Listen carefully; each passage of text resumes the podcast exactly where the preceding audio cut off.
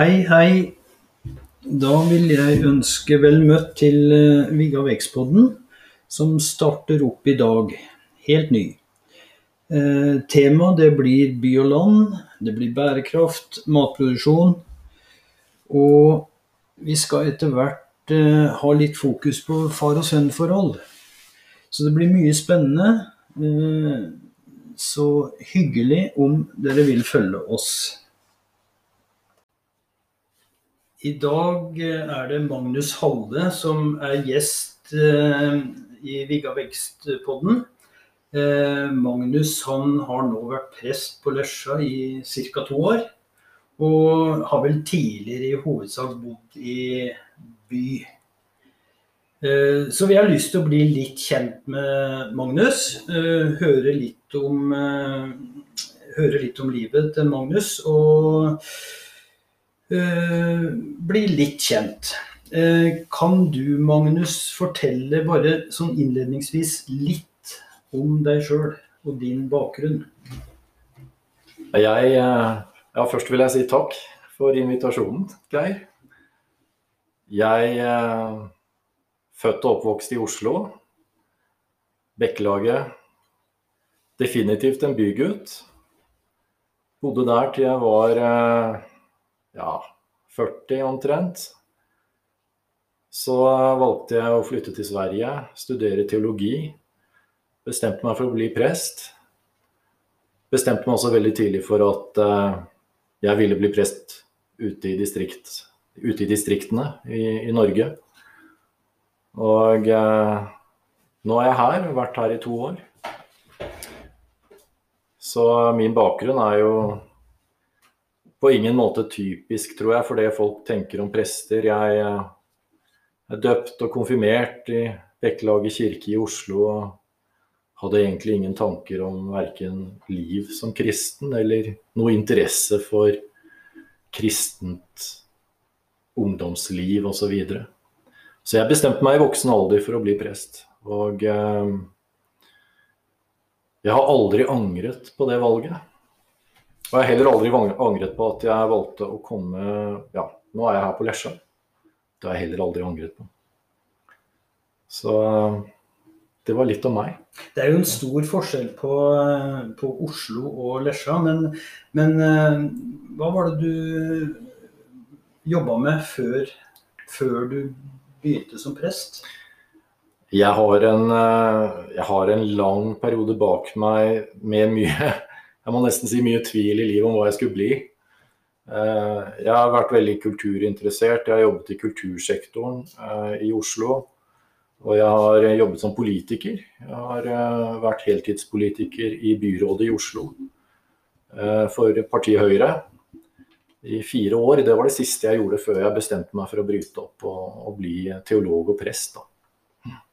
Mm.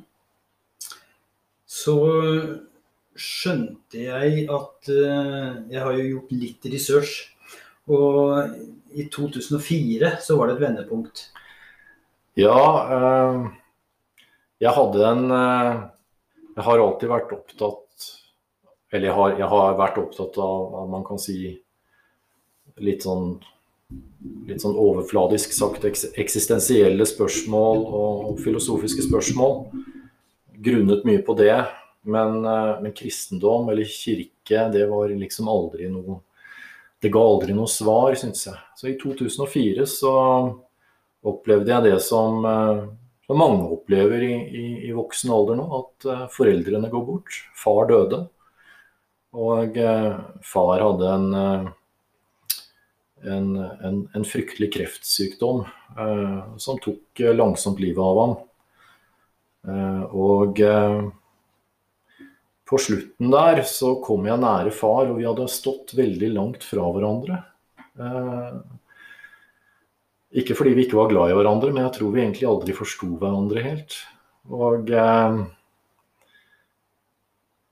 jeg hadde veldig mye jeg ønsket å si, og kanskje han også hadde det på slutten. Og eh, på dødsleiet så det var oppe på Ammerud, på et veldig fint hospice. Eh, han døde, og da siste dagen der så, så skjønte jeg at uh, nå var det slutt. Um, hvis jeg ikke sier noe nå, så, så kommer jeg aldri til å få sagt det. Og det vet jeg mange opplever i slike situasjoner òg.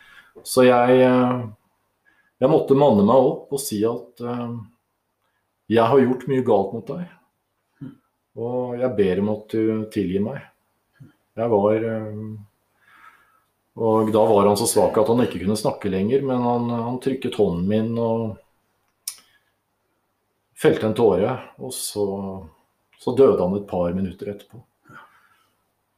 Og for meg var det en Det var på et vis å erfare det som jeg vil ikke si bare kristendom, men religion også går ut på dette med å både forsone seg med en annet menneske og be om tilgivelse. Og faktisk erfare noe slikt i, i det virkelige livet. Da. Så for meg var det en, eh, en opplevelse som, som, jeg måtte grunne mye på etterpå. Mm. mm. For uh, sånn som jeg Altså, jeg har jo ikke hørt deg i kirka foreløpig. Men eh, jeg føler at du har en veldig sånn fin evne til å flette kristendommen inn i hverdagen. Og, og, og, det, og, det, tenker jeg det er en viktig rolle for en prest i dag. Eh, jeg, jeg driver og leser ei bok nå av Vetle Lid Larsen som heter 'Hvordan elske en far og overleve'. Så, så det, det, det, minner jo litt ja. om eh, det du snakker om nå. Ja, ja absolutt. Ja. Ja. Så det er forresten en veldig god bok. Eh, men det, kom, det, betyr at 2004 var jo et vendepunkt, da? Ja, da var jeg Jeg var faktisk 35 år. og jeg, jeg visste fortsatt ikke helt hva jeg skulle bruke, bruke kreftene på. Jeg har alltid egentlig vært ganske skoleflink og ressurssterk slik. Eh, men eh, nettopp dette med forsoning og tilgivelse Jeg skjønte hvor lite jeg egentlig hadde forstått av slike begrep. Det var egentlig bare ord. Plutselig så sto det foran meg hva det faktisk innebar. Eh, gjennom det siste møtet med far. Da. Og eh, midt i all denne sorgen og, og alle disse tankene og sånn, så så kom det en tanke om å, å, bruke livet på å forstå det bedre. Og det er akkurat som du sier, at det er eh, liksom det med å Jeg tror ikke at kristendom eller religion overhodet er noe som er atskilt fra livene våre. Det er ikke liksom en egen det er ikke noe vi gjør fra, fra, fra fem til åtte på kvelden, f.eks. Liksom, det er noe som hvis man forstår det dypere, så tror jeg at man ser at det har liksom klangbunn i hele livet ens. Og det, det prøver jeg jo å formidle. Ja. Hva tenker du var, hva var noe av grunnen til at du og faren din ikke hadde den kontakten du kunne ønske deg? Ja, det er jo sånn tittelen på den boken, 'Hvordan elske en far'. Nei, altså, jeg tror vel vi dypest sett elsket hverandre. Men å uttrykke det, ikke minst for meg Jeg måtte jo på et vis Kanskje mange føler det slik at de må prestere noe for å bli elsket. Mm. Og det er jo en tanke som er veldig nærliggende i, i mange forhold. Og, men jeg opplevde jo også at han At jeg skuffet ham. Jeg opplevde at jeg skuffet ham. Hvordan opplevde han det? Ble han skuffet? Mm. Jeg tror egentlig ikke det i ettertid. Jeg tror han, Når jeg tenker tilbake på det, så, så var han alltid forståelsesfull. Men jeg følte jo at, at, jeg gjorde mye som, og sa mye som, som må ha såret ham. Ja. Og det Det måtte jeg si til ham. Ja. ja, men du fikk sagt det? Det gjorde jeg. Mm.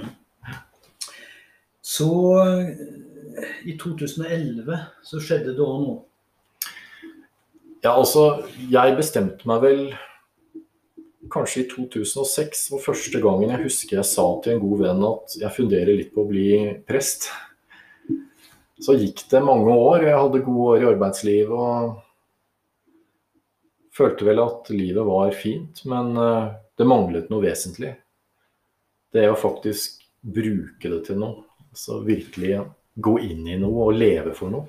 Ikke bare leve for å, å forbruke, men for liksom å gi noe av seg selv. Da. Så i 2011 så hadde jeg bestemt meg for å, å bryte opp og, og, bruke den tid det krevdes for å bli eh, prest seks år omtrent. Da hadde jeg fylt 41. Eh, eh, og eh, da var jeg politiker i, i rådhuset, rådhuset, i Oslo. For, for, Høyre, da. Byrådssekretær. Jobbet med spennende saker, men jeg hadde bestemt meg for å bryte opp. Så, så kom Utøya. Og 22.07 og jeg hadde faktisk eh, lagt ut leiligheten min for salg med visning 23.07. Eller 24. juli, altså søndagen etter. Og eh, det var en eh, utrolig eh, Utøya Ja, det var jo en terrorhandling som på et vis viste ondskapen i verden, men også godheten. Og eh, jeg husker veldig godt på tirsdagen den 26. juli. Jeg solgte jo leiligheten med en gang, og da visste jeg at nå kan jeg, nå kan jeg bryte opp, nå kan jeg bli prest. Men da husker jeg at jeg satt på toget Da var jeg på Lillehammer. Eh, og jeg satt på toget ned, og jeg fikk en telefonoppringing fra, fra denne mekleren om at nå var leiligheten din solgt. Greit. Eh, da visste jeg at det ikke var noe vei tilbake. Det føltes godt. Um, og så hadde jeg en sterk opplevelse av um, at det var en mening med, med det jeg gjorde. Det fantes ingen mening i det Breivik gjorde. Det var galskap, det var ondskap. Gode mennesker måtte dø. Men når jeg tok det steget nå, så opplevde jeg veldig at uh, jeg satt på toget. Jeg husker jeg var ved Brumunddal. Uh, og uh, stirret utover skogene. Og så, så, leste jeg om Nordahl Grieg. Han var jo stor i de dagene. Gode, gamle Nordahl Grieg med 'Til ungdommen'. Og da tenkte jeg Da tenkte jeg at nå har jeg tatt dette valget. Og hvis noen stopper dette toget nå og kommanderer alle til å gå av og sier at uh, hvis du ikke angrer dette og, og, overgir dine planer, så kommer de til å skyte deg. Da tenkte jeg da får dere bare gjøre det. Jeg var så overbevist. Det er sjelden man føler seg så overbevist om noe at noe var rett. At man hadde tatt et riktig valg. Men det husker jeg godt fra den togturen. Jeg var helt alene i denne kupeen og satt og stirret utover skogene, og så tenkte jeg at uansett hva dette innebærer, så har jeg gjort et riktig valg. Ja, men det er en god følelse å ha. Ja, og det er ikke så veldig ofte man har slike opplevelser. Nei. Kanskje heldigvis på NSB. Ja. Men uh, jeg opplevde det slik at det var uh, uh, liv eller død. Ja. Husker jeg riktig Nordahl Grieg ble skutt ned i fly over Tyskland? Ja, han døde i 1943, og graven hans er jo aldri funnet. Han var jo journalist på et bombefly og deltok i et bombetokt. og han var jo Jeg vet ikke om han hadde likt at prestene talte så vel om han, men uh, han var jo en radikalt menneske. Politisk radikal. Men han hadde jo et stort hjerte for menneskeverd. Og, det er jo slike mennesker vi må følge. Og da mener jeg også Kirken har et stort ansvar for å løfte frem disse menneskene. Som står kanskje langt fra organisert kristendom. Men det hadde jo jeg også gjort. Jeg var jo i 2011 Jeg skal være ærlig nok til å si at jeg trodde jo at askeonsdag var dagen før skjærtorsdag. Jeg kunne nesten ingenting om, om slikt. Så jeg følte meg jo veldig naiv. Men jeg tenkte at kristendom, kirke og prest, der kan jeg virke. Der kan jeg forstå meg selv. Det er jo en måte å forstå sin egen eksistens på. Og disse begrepene da som forsoning og sånn, som vokser inn i livene våre. Kjærlighet, tilgivelse, barmhjertighet. Mm. Hvor gammel var Nordahl Grieg da han skrev til ungdommen? Han var, var kanskje ikke fylt 30 år? Han var i hvert fall ung. Ja, Ja. han var i hvert fall ung. Ja. Så du hadde en togtur fra Lillehammer 26. juli, du. Ja. Og, og, og tok en avgjørelse om å bli prest. Og, og, og, så, og så tok du en presteutdannelse, da. ja. Eh, og, og hvor tok du den? Og så fant du ut at fjellet var jo et fint sted å være i. Ja, i 2011 så, så hadde jeg faktisk en, en tid der jeg sammen med en, en god venninne kjørte litt rundt i Norge og så på fjellene. Og vi, vi kjørte i Valdres og Lærdal, husker jeg, og, og, eh, og Numedal osv. Og, så og da bestemte jeg meg at det er jo her det er jo her jeg kan bety noe for menneskene. Og de betyr mye for meg. Altså Jeg fikk jo en form for kall det er jo ikke et ord man kanskje bruker så ofte og frimodig, men det, jeg følte at det var her jeg var ment å være. Eh, Jeg var ikke innom Lesja da, men, eh, men det, var en, det var en god opplevelse å, å liksom oppleve distansen fra byen også. Det er virkelig å bryte opp fra noe. Mm. Som sagt, jeg har aldri angret på det. Mm. Nei. Så, så, så du har brukt fjellet. På, på hvilken måte bruker du fjellet, og hvordan, hvordan gir natur og fjell deg noe? Ja, altså Hvordan jeg bruker det Jeg, jeg, jeg holdt på å si jeg tenker mye på det. Mm. Altså, Fjellene er jo en, på sett og vis en metafor også for det urørte. Altså, det er et bilde på, på det som er urørt av menneskehånd, kanskje. Og det hellige.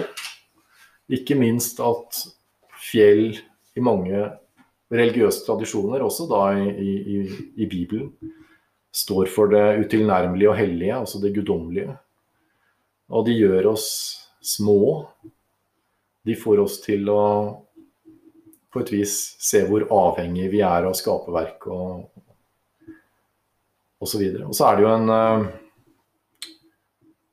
Jeg har vel eh, jeg, jeg, jeg kan sitere en, en, annen person som sa at han var uh, gladere i å se på fjellene enn å være i dem. Og, og det er jo en fin opplevelse her i Lesja at man er veldig nære de gode visuelle opplevelsene hele tiden. Ja. Og så har jeg jo også oppdaget jeg har fått en enorm respekt her for, for disse fjellmenneskene, altså de som virkelig kjenner fjellet, og de som virkelig har levd i det. Både i denne generasjonen og når jeg har gravferder og hører om mennesker som bokstavelig talt eh, har tilbrakt livet sitt oppe på setre og under åpen himmel og jakt og fiske og Mm. Altså det der virkelig å leve nære naturen. da. Mm. Og der blir jo jeg bare en, en observatør på et vis, da. Jo, jo, men du skriver i kirkebladet, jeg vet ikke om det var siste kirkebladet, men du skriver om eh, svenskekysten og stranda ja. og tre, nakent tre. Ja. Det er jo to sider av samme sak, ikke sant? Ja. Når, du har, når du har havet Mm. og fjellet. Ja. Det er de øde viddene og Og eh, de sier oss noe. Jeg ønsker jo veldig mye å løfte frem. og Jeg håper mange flere også bidrar til det. For vi snakket jo Vi har jo også snakket litt om dette med Mange ser jo i dag på, på naturen som noe som som skal utnyttes og være en økonomisk ressurs osv. Men liksom dette med å faktisk bruke et språk også der slike ting som hellighet og utilnærmelighet og, og, og gavmildhet, altså der det betyr noe i praksis for hvordan vi bruker naturen og fjellene og havet. Eh, og det, det er jo et språk som, som jeg syns vi må bli flinkere til å bruke. Jeg syns du skrev veldig fint om tre treet ved verdens ende og hvile for sjelen. Kan du? Ja, eh, jeg vet ikke hvor originalt slik det er, men det er, eh, det er jo basert på mange og lange turer i naturen der jeg bodde når jeg skrev det, og det er jo på Østersjøkysten. Og du hadde jo 'Øpna landskap' av Lundell som kjenningsmelodi, og han, han, eh, han bodde ikke veldig langt unna. Nettopp disse åpne landskapene og hvordan det da faktisk å møte f.eks. et tre Eh, Magnus, du var i gang på Østersjøkysten da vi nå ble litt avbrutt. Men vi tar tråden, og så går vi videre. Eh, hvor langt var du kommet på Østersjøkysten nå? altså Nordmenn flest tenker vel kanskje ikke på Skåne som et sånt reisemål, men eh, det er utrolige naturområder, og de er ganske urørte. Svenskene går ikke på tur som nordmenn. Eh, strendene er, eh, er, endeløse. Jeg kunne gå to mil barfot på en strand. Så ble jeg stoppet til sist av et elvedelta. Eh, og jeg tenkte jo Det er jo Det føles jo veldig privilegert å si dette, fordi jeg, jeg, opplever jo også nå under koronaen at mange har oppdaget at ensomhet eller og det å være alene gir, gir ressurser også. Det gir, gir mening. Og, og, jeg brukte jo mye av den tiden på ja, det vi alle bruker tid på når vi er ute i naturen, tror jeg. Mm. Tenke over livet. Altså være nære seg selv. Mm. Og noen ord som var viktige for meg da og nå, det, det er eh, Jeg har ikke sannheten, jeg søker den. Ja. Og det tenkte jeg ofte på når jeg stirret tilbake på sporene mine på stranden der. Ja. I sanden. At uh, jeg har ikke sannheten, jeg søker den. Mm. Så både fjell, strand, hav, disse endeløse viddene, de, de, gir jo en mulighet til å komme nære seg selv. Ja. Og det, det, er også noe vi kanskje må bli flinkere til å snakke åpent om. At, at uh, naturen er så mye mer enn uh, alle disse vakre bildene som legges ut, og solnedganger og sånn. Altså, disse opplevelsene de, de, er jo en del av oss, og de, de, gjør oss til noe annet og noe mer, kanskje. Ja. Og så det å tørre å være aleine, ikke sant? Absolutt. Og det, det har jo to sider. Å være alene. Eh, mm. noen vil si at det er en forbannelse, eller det kan være det, mens andre Jeg opplever jo veldig at det å bryte opp Vi snakket om, om by og land. altså det å bryte opp fra Oslo Eh, det å komme bort fra denne metropolen, og så da eh, bryte opp, reise til Skåne, eh, og nå, heldigvis, får jeg si, være tilbake i Norge og, og fjellene her. Altså, det, er en, det, er jo en, reise som i seg selv gir livet nye dimensjoner. Mm. Men by og land, er jo det vi kanskje har litt som hovedtema i dag. Hvordan opplever du forskjellen på livet i byen og på Lesja? Er det stor forskjell? Ja, det ville jo være en løgn å si at, uh, at Lesja kan konkurrere med Oslo når det gjelder uteliv og, og uh, sosialt liv osv. Men uh, jeg opplever jo at jeg opplever at du kunne være mye mer ensom i byen. Mm. Nå snakker jeg om ensomhet som noe negativt. Enn du er her. Samtidig Jeg har sagt at jeg nok er en romantiker. Og uh, når man da kommer et sted i distriktene, så kan man jo ha visse både fordommer og, og, og, og drømmer. Og, og, og, begge delene blir jo bekreftet. Mm. Kanskje noen av fordommene mm. som man har, men også mange av drømmene man kan ha da, som romantiker. Mm. Eh, og eh, jeg tror jo at mennesket er skapt ute på savannen et sted, jeg da i Afrika en gang i tiden. Og eh, jeg tror jo at vi, denne nærheten til naturen, eh, og det å bryte den som, som, man opplever i byen og sånt. Det, for meg er det liksom å skjære av liksom pulsåren. Mm. Mm. Så jeg opplever jo at det å, det å f.eks. oppleve å da kunne dele de opplevelsene med, med andre. Og om det å, å, våkne opp i en sånn sted som dette og, og leve her, det, det, er viktig. Dette kan jo bli tema for mange podkaster, det. Men uh, ja. har du interesser og engasjement utenfor jobben din som prest? Ja, altså Prestelivet er vel uh, det er jo en, eh, Å være prest her er jo noe annet enn å være prest i byen. Altså, du, du, kommer jo mye nærmere mennesker, og du møter dem jo Vi bor ikke så mange her. Eh, og det, det gjør jo også at du møter folk i en gravferd på fredag, og så møter du dem igjen eh, på lørdag i butikken. og det så, så når det gjelder det med interesser og slikt, så, så lever jeg jo fortsatt i, i kulturens verden på et vis. Ja. Og litteratur kunst, store interesser. De kan man jo også dyrke noe her ute. Ja. Eh, vi er jo en del av nettverket. Ja. Mm. Eh, hva er det som er dine viktigste oppgaver da, som prest i Lesja, tenker du? Jeg tror jo at eh, hvis, hvis kristendom skal ha en misjon, for å bruke det ordet, i dagens samfunn, så vil jeg igjen sitere noe en, en biskop i Sverige sa. Han sa at uh,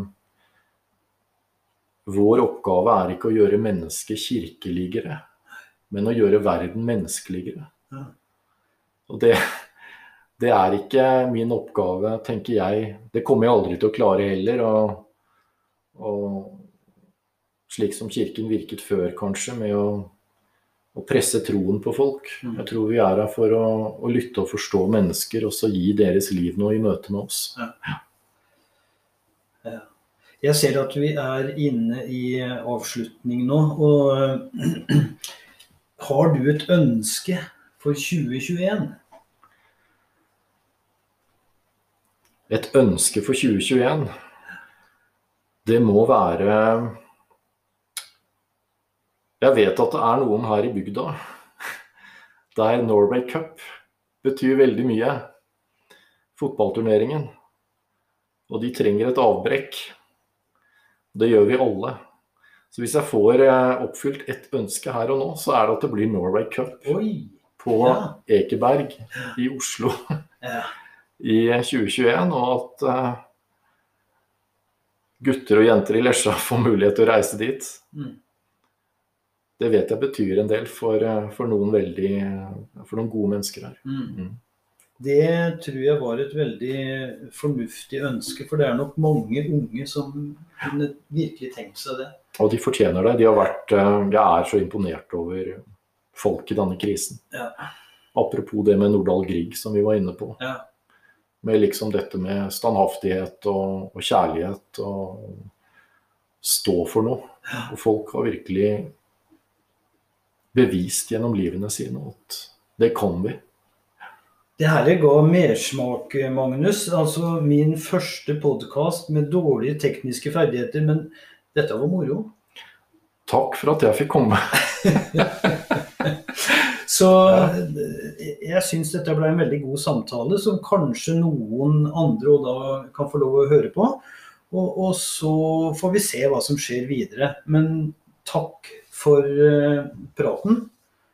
Uh, og vel hjem. Tusen takk.